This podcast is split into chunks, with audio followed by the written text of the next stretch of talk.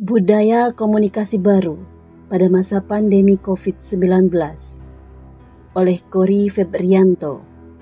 Setelah munculnya wabah yang menyebar ke seluruh dunia, hingga WHO menetapkan status kebencanaan wabah ini menjadi pandemi, banyak persoalan yang terjadi pada tatanan kehidupan masyarakat, baik dari segi politik, pendidikan, ekonomi, dan juga budaya penerapan social distancing, physical distancing hingga kebijakan PSBB, pembatasan sosial berskala besar, dilakukan oleh pemerintah untuk menghindari penyebaran virus COVID-19 hingga memutus mata rantai penyebarannya.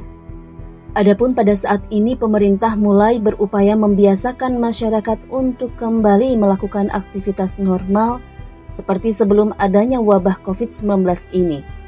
Tujuannya jelas, untuk memulihkan krisis ekonomi yang terjadi akibat pandemi COVID-19.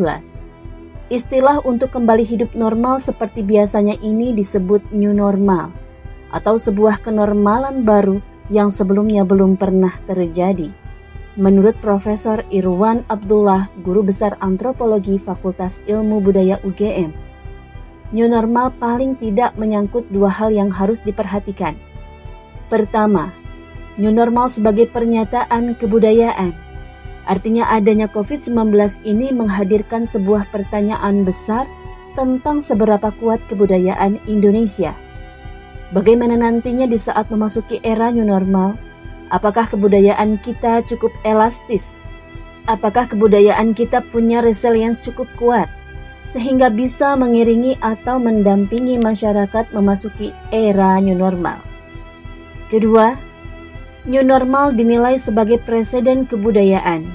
Melalui COVID-19 ini, sesungguhnya menjadi sebuah momentum historis karena banyak pihak diajarkan pada sesuatu yang baru. Era new normal merupakan sesuatu hal yang baru dan hal ini membutuhkan waktu bagi masyarakat untuk beradaptasi memasuki masa transisi menuju new normal. New normal merupakan sebuah tantangan besar bagi masyarakat Meski begitu, diharapkan masyarakat tidak panik dan bisa tetap tenang menuju new normal ini agar imunitas tubuh tetap terjaga dan baik.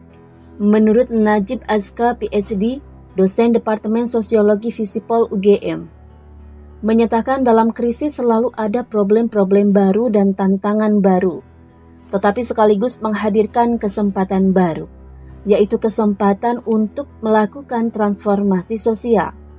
Oleh karena itu, jika disikapi secara positif, pandemi COVID-19 menjadi momentum besar bagi bangsa untuk melakukan transformasi besar dengan membangun budaya-budaya baru, termasuk disiplin.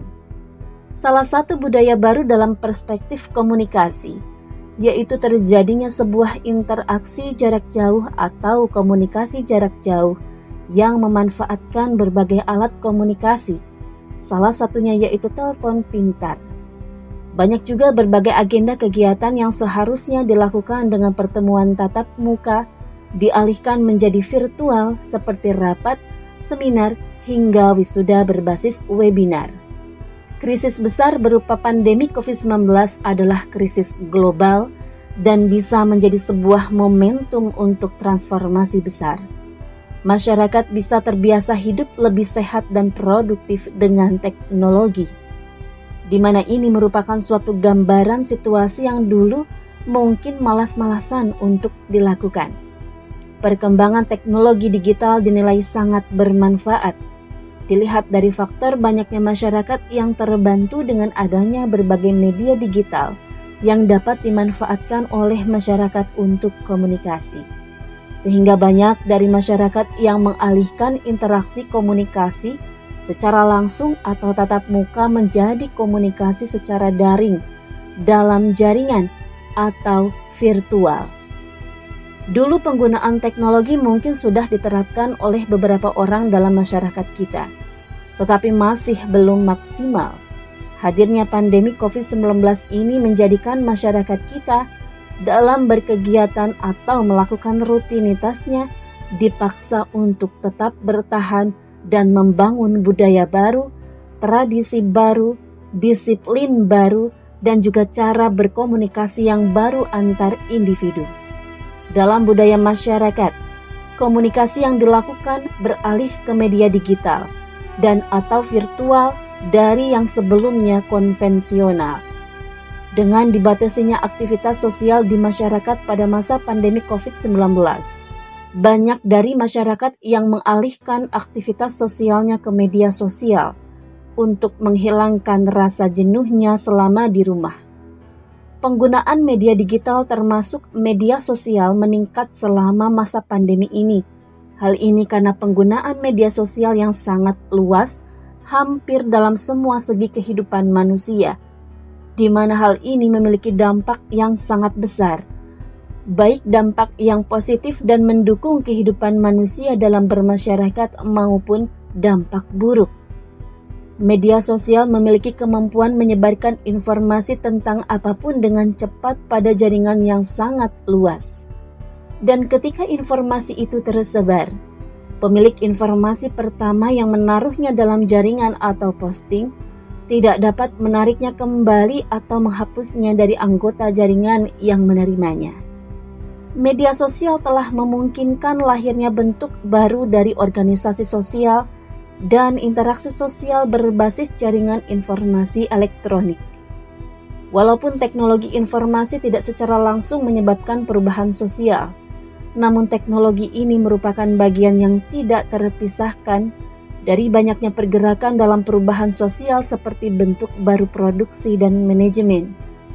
Adanya media komunikasi baru atau populer disebut sebagai globalisasi ekonomi dan budaya. Media sosial juga telah melahirkan bisnis baru, cara berdagang yang berbeda, dan media sosial bahkan bisa menjadi sumber penghasilan. Selama pandemi, kita merasakan kehidupan masyarakat di dunia yang tidak seperti biasanya. Selain adanya kebijakan untuk bekerja dari rumah, belajar dari rumah, serta imbauan dari pemerintah untuk tetap di rumah saja, Hal ini memperlihatkan pada kita akan kebutuhan komunikasi berbasis teknologi. Banyak kegiatan yang memaksa kita melakukannya dari rumah, yaitu kampus, sekolah, dan juga lembaga lainnya.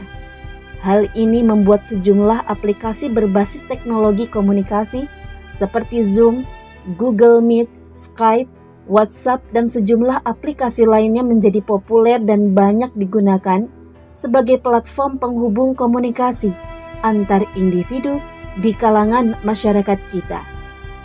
Tidak hanya sekolah, kampus, ataupun perusahaan yang mengalihkan komunikasi konvensional ke komunikasi berbasis digital.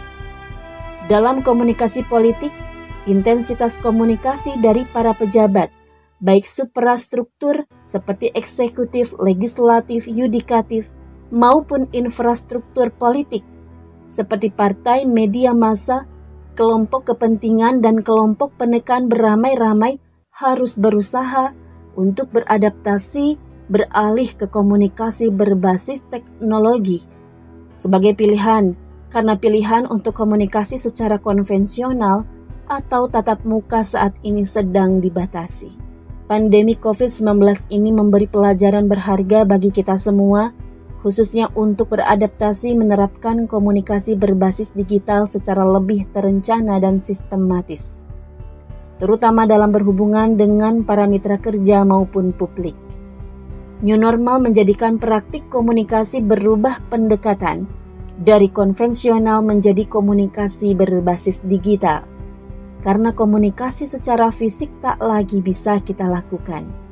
Walaupun sebenarnya bisa dengan syarat ketat, yaitu memperhatikan tempat dan mematuhi protokol kesehatan seperti physical distancing.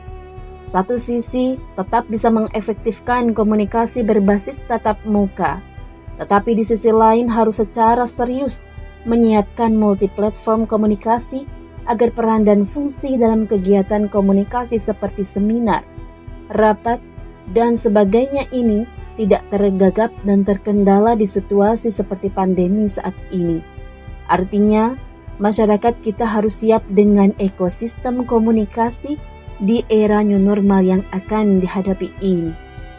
menuju era kenormalan baru yang perlu diperhatikan adalah membangun struktur pengetahuan dan kesadaran.